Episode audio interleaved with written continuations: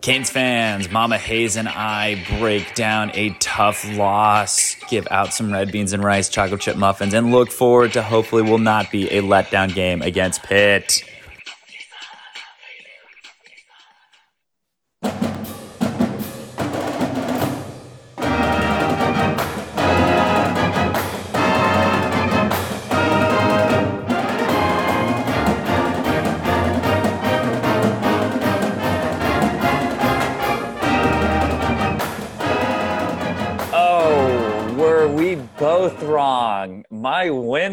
Prediction was wrong. Ouch. And unfortunately, mom, your keeping it close prediction was also wrong. Well, not so fast, son. All right. You predicted the Clemson score, It's true. not our score. You predicted the Clemson score, and I predicted the loss. So we were partially right. yes, yes. We, I guess if you want to play it that way, we we were we got to win somehow in there and got it right. That's a weird way of doing it. Um, as Hey, Mama uh, Hayes would would say, "Welcome, Canes fans." Oof, uh, this one's a tough one. Well, we got to look at the positives. We got to look at the positives, yes, which we are going to get into, but we're actually going to start with the bad. Uh, Let's, let's get it over with.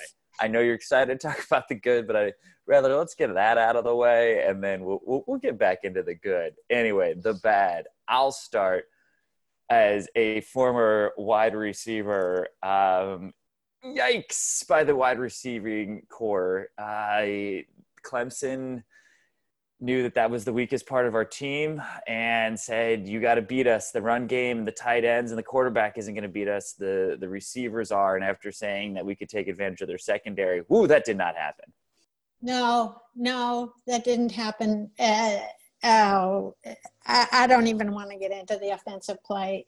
I mean, it, we just missed. i will get into the the, the offensive play for us and as we keep moving here and crank out a lot of things things that Clemson did well that they did on defense was one, they knew that um, they could put pressure on King, um, even though he gets the ball out fast. It still was all right. You have to let those receivers beat you, and those receivers did not. A lot of drops, a lot of balls not played well. King underthrew some balls as well. Um, they took away Brevin Jordan even before Jordan got hurt. Mallory was a non-factor, and the running backs of the three-headed monsters that we've really liked all year was nothing. Uh, Zero. Rhett Lashlee said in his uh, post game uh, earlier today on this Monday that we were recording this that he got outcoached, which uh, we joked about yesterday when we were prepping for this. That kind of the good thing is is that Rhett Lashlee's stock definitely went down as a head coach now, so if we can keep him a little bit longer. We might get two years out of him. which which would be good, but uh, he definitely can't show that again. Um, it's it's frustrating because this is the same thing that happened last year. Was Manny Diaz coming into a, a game off of a bye week, especially last year with two bye weeks. I think actually three bye weeks almost last year because we had that week zero game. Um, look underprepared, and kind of the same thing happened a little bit here uh, with it, especially offensively, where they just didn't look like they had a good plan ready going into the game and the adjustments made never really happened. If it wasn't for King's just athletic ability, we wouldn't have had anything on offense. Mm, No, we didn't. And do you want me to go on? Do you want me to go on about the penalties? Well, I was going to then transition into what you want to talk about a little bit more, which is the penalties and the defense. So, since you're ready to move on from the offensive play calling and what happened and barely let me get that in there or want to answer questions on it, Mom, what were your thoughts on the penalties by the University of Miami this past weekend? Too many. Too many, too many, too many. Oh my gosh. And they were just stupid penalties by people who knew better, players who knew better. I mean, how many targeting penalties is Amari Carter going to get? He's a good player. He just every time this happens, this happens with him too much, and you have to know as well that Gurvan Hall is out of the game uh, for the first half, and you know that there's a freshman behind you. You cannot put yourself in that position. Well, why aren't uh, why uh, are they not addressing this? I mean, you don't know. You're not at the practices. Uh, why aren't they addressing this in the practices? I imagine that it has been dressed with Carter before. If there's anything I know about college coaching, it's sometimes you just can't get something out of a player. And you're trying to still, you know, run that fine line of, you know, being aggressive, but also being smart. He just, there's no reason to go after Lawrence at that. Like, I, you know, you look at, we'll get into it more, but Bubba Bolden plays really aggressive, but he knows when to not get himself into a bad position almost in those situations. Carter just gets himself into bad positions. Uh, and Diaz was arguing with the refs about it. And it's like, oh gosh, you know, it just shouldn't happen. It just shouldn't. Forget the arguing. Just take the penalty and let's keep going.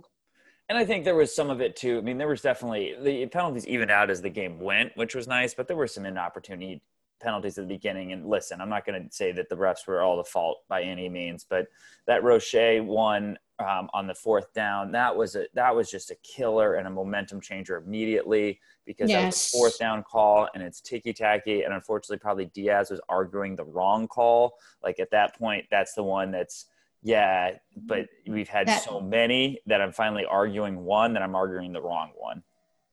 Yeah. Well, as a result, they put in uh, Brian Balaam, who, my gosh, that that guy talk about trial by fire. Whoa.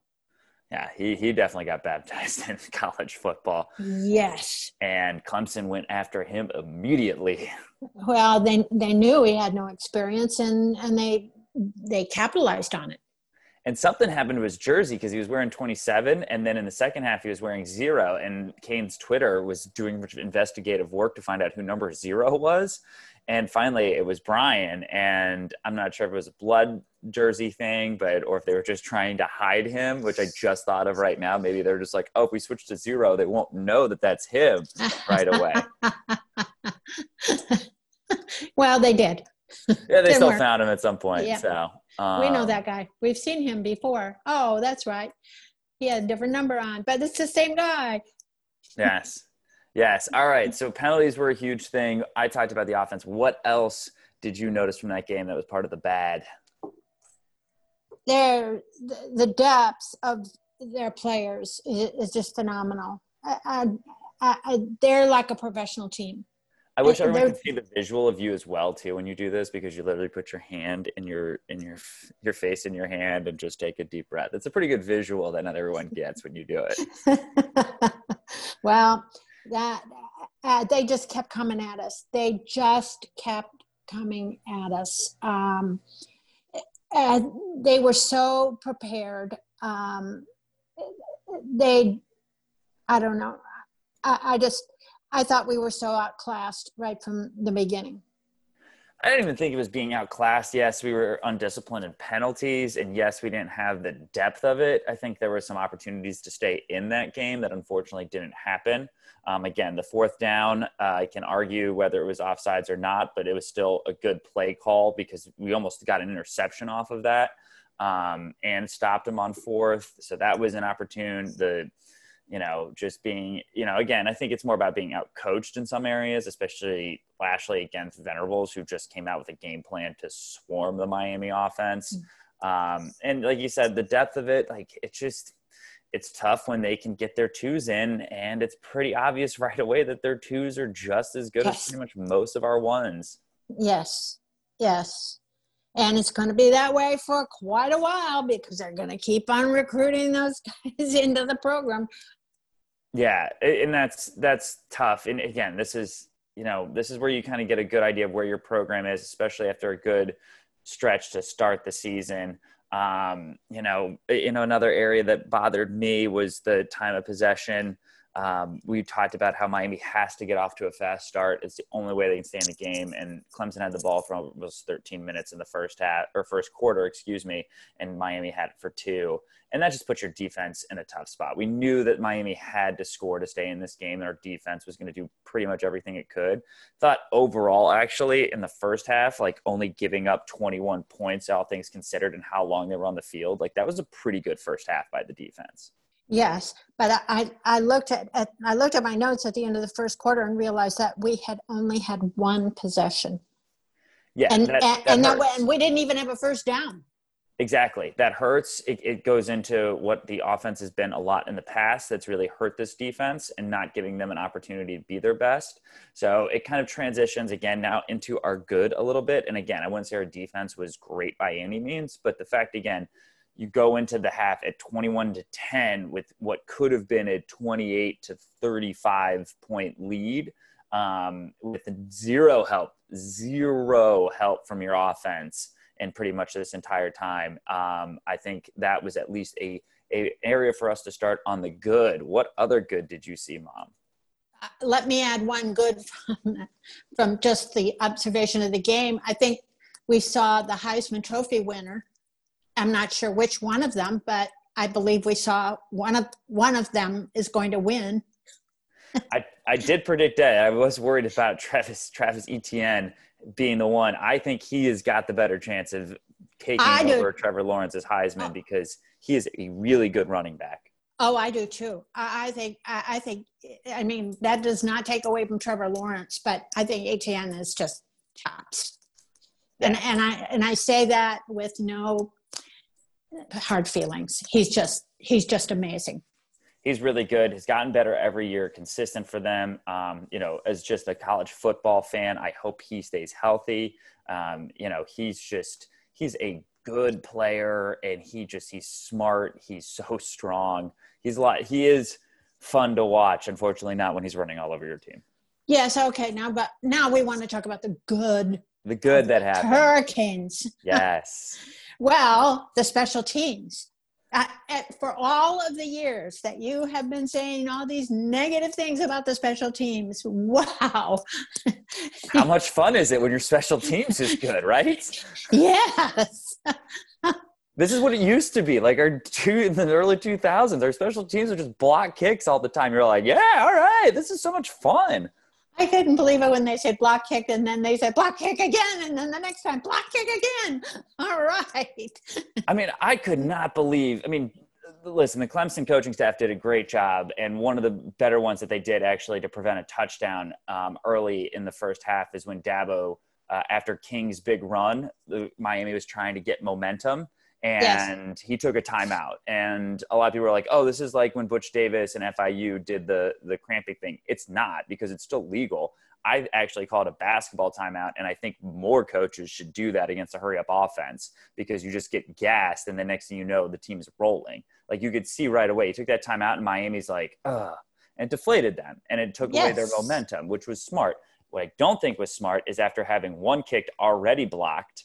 Um, in the first half at a pretty short distance and getting your offensive line blown up is then to kick a 61 yard field goal and where the ball has to be kicked at a lower trajectory at, out of the out over the offensive line because you're trying to get more distance uh, when you've already had one kick. So he definitely gave us a gift on that one. I was like i think this is probably going to be blocked because you know if anything uh, the defensive line's going to get up to block. It got through scooped and scored uh, and just got like gave us some momentum going into the half I, I didn't think that the 61 yard field goal attempt was a good idea, regardless of whether they'd had a block kick prior to that.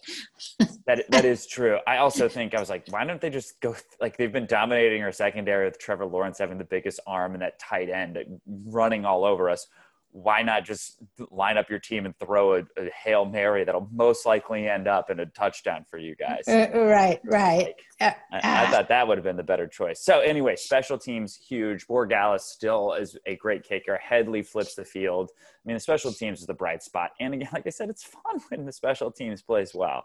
Yes, it does definitely adds to the game. Okay, I would have to point out as another uh, positive that D'Eriq King stayed in that game. He was going to make something happen absolutely all 60 minutes, and he did. He, he had some good runs. He had one fabulous run.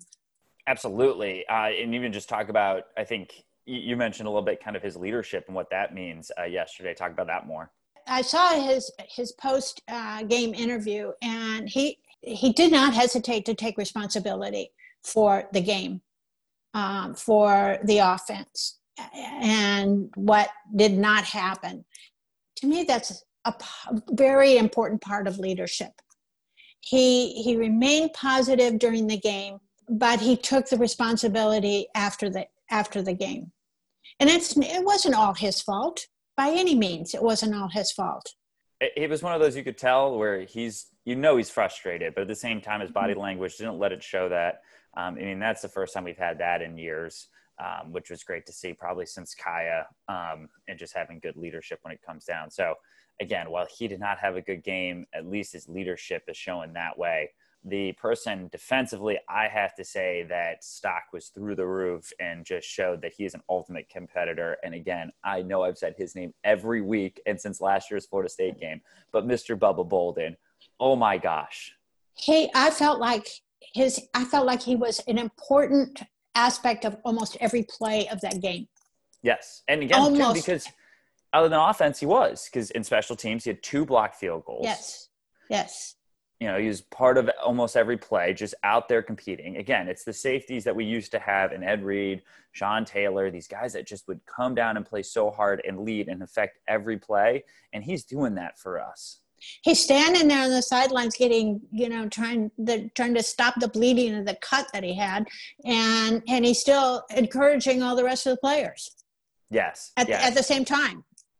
Yeah. Uh, even Dez Bryant was commenting on him on Twitter, of like, I really like whoever 21 is on the Hurricanes. And so he's a guy that's getting national attention right now, which is good. And hopefully a guy that, you know, we get more and more of that of just guys, you know, willing to put their, put their, I, I mean this in the way of not trying to get injured or do anything dumb and get a targeting call, but they're put their face in it and, and make plays.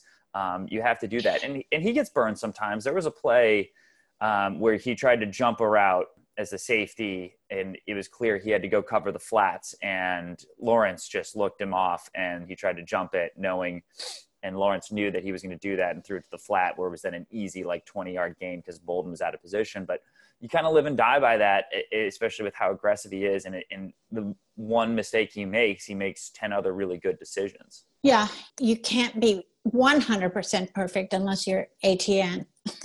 exactly. Well, and then you also just have unbelievable talent around you.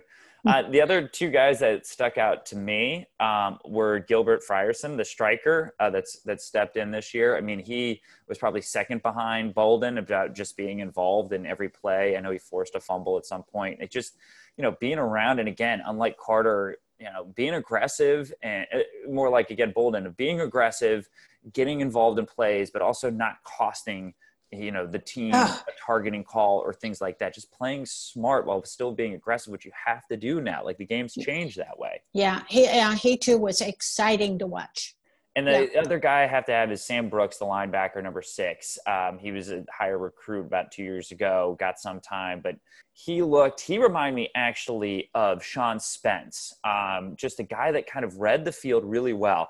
It was always fun. Sean Spence could we could never run a screen in practice. It was infuriating because Sean Spence could read a screen like no other. So we never got good at screens. I think our, my freshman and sophomore year because Sean Spence would just blow them up immediately. And on the first touchdown drive, everyone got fooled on defense except Sam Brooks, who tried to go get it, but didn't, you know, it was one on eight at that point of trying to get blocked. And he got in there with a couple other plays uh, in the first half, breaking up big plays that that stopped Clemson drives, which were huge your experienced eye is far more keen than mine. now it's also just some research and, and going back and forth there. But anyway, that that that pretty much does it for the the positive of Miami Hurricanes against Clemson. Unless you got another one in there. No, I don't.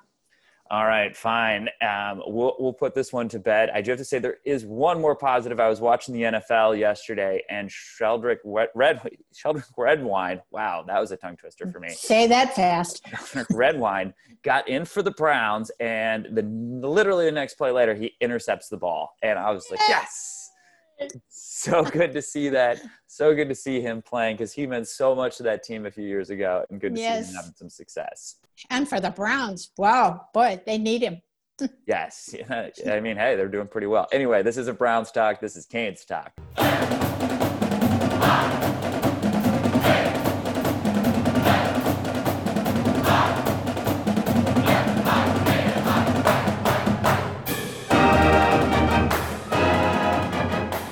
Okay, now let's talk about red beans and rice and the chocolate chip muffin awards.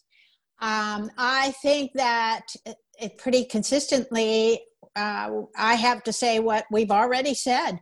The red beans and rice, in my mind, early in the game, I had already decided we're going to go to Frierson. And I, I, I mean, he spent a lot of time trying to contain Etienne, which was a thankless task. So, red beans and rice to Frierson. I don't disagree with that. All right, uh, chocolate chip muffins then. And you know, I try to avoid repeats, but I cannot ignore Bubba Bolden. So it would be unfair if you did, uh, just because you can't eh, just. That'd be like the LeBron MVP if like you're just tired of giving LeBron the MVP. You have to give Bolden the chocolate chip muffins again. He, he, well, I gave him the red beans and rice last time, so this time he gets the dessert. well, he definitely deserves the dessert after the game that he put in. I'd actually say he probably could could get a, a, a few more and probably uh, need some after the amount of blood and sweat that he lost. Yeah, I, would make him a chocolate cake too. wow, that's how good. Wow, I don't, I don't even get that treatment. That's pretty good, Bubba. Good for him. Oh, maybe you will at Christmas. Eh, maybe. I doubt it. That's what we always. It's. I feel like that's a theme, and then it doesn't happen. That's okay. You know, just happy if I get red beans and rice and chocolate chip muffins still. I, would rather, you know what? I sacrifice mine for the team and I'd rather them get it because they. Oh, whoa, man. My heart, my heart beats. you know, I'm just a giver, I guess. That's all I have yes. to say about it. So I, I, I, think both of those are great choices for the red beans and rice and chocolate chip muffins this week. And and I apologize to the offense, but you guys didn't deserve it. There you go. Hey, with, let them ex- know. Expect, except for King, stick it in there. But nah, you didn't deserve it. I, I I don't disagree with that. You got to let them know. Got to keep them accountable. You know, it's about being a good coach. So good work, mom.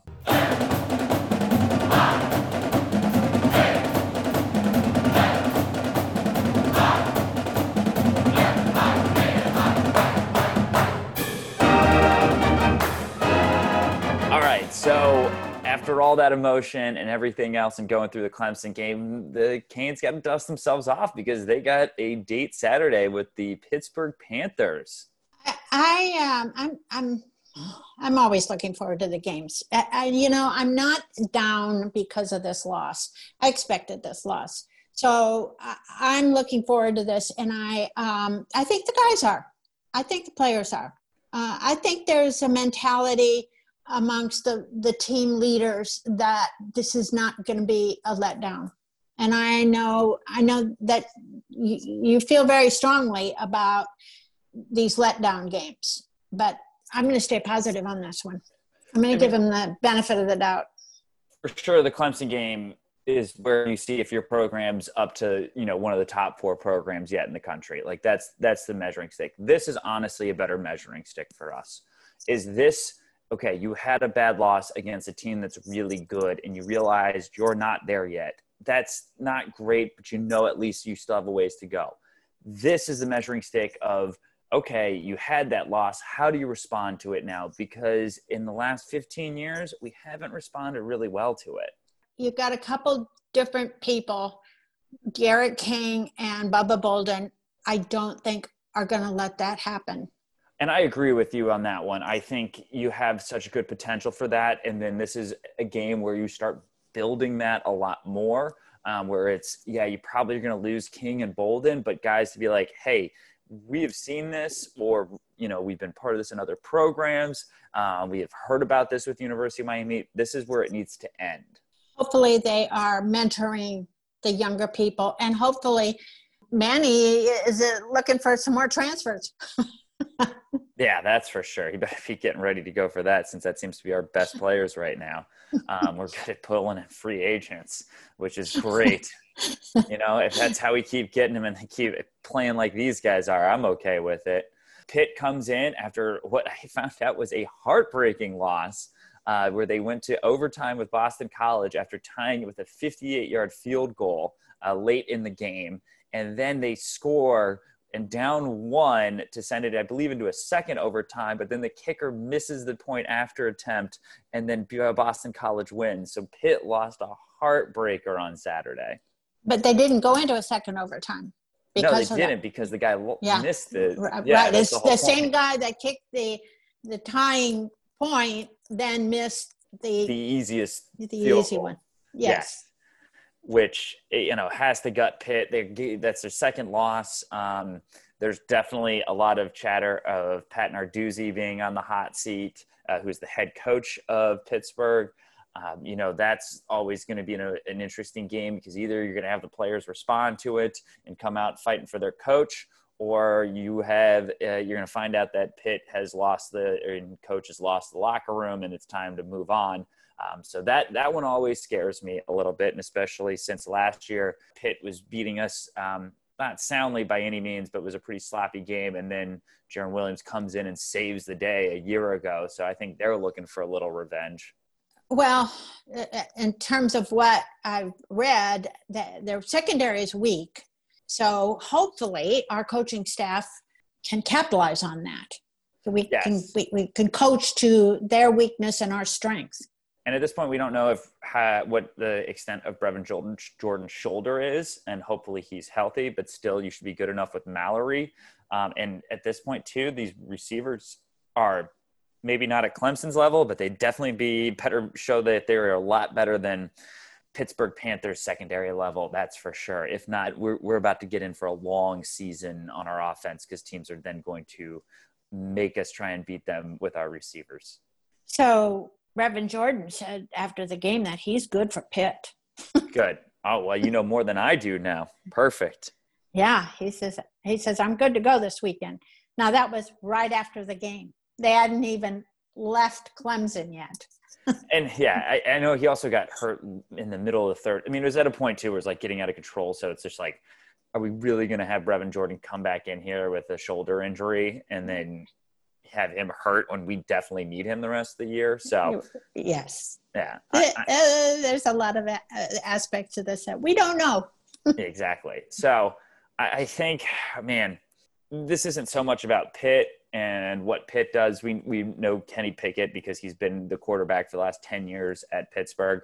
Uh, it's the Mark Whipple game again because Mark Whipple is the offensive coordinator. Um, the secondary is not great. You have the you, you just on paper have the better talent, and for overall, all you're going to be missing is one player that, that that was out for targeting on the defensive side, but you have Hall and Carter back for this game in the secondary, um, which helps a lot. So it's this is a bounce back game in the measuring stick of let's not come out here and lay an egg.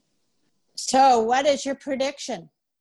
Until I see them prove me different, I think they win this game, but I think it's going to be sloppy and frustrating. I think it's like 21 to 10 win or something like that. I just don't think it's the game that we're hoping for. That's a great bounce back game. I think Pitt's just going to be a thorn in our side we look sloppy, but then like D'Eriq King and, and Bubba Bolden as leaders are just like, we're tired of all your guys's malarkey. And as one way of saying it is time to time to win a game and, and not pout about losing a game a week ago. Win 21 to 10 though. Eh, I'll go 21 13. Okay. I'm writing it down. I see that. I can, this by the long pause and glad we're explaining to the audience. I'm going to go 28 24. No, I'm going to go 28 14. Oh. I don't I don't think Pitt's going to score that much. Okay. All right. There we go. I'm assuming then that the 28 is Miami and the 14 is Pitt. Yes. All right, just clarifying there. I think it sounds like both of us think that we're going to have a little bit of that letdown game.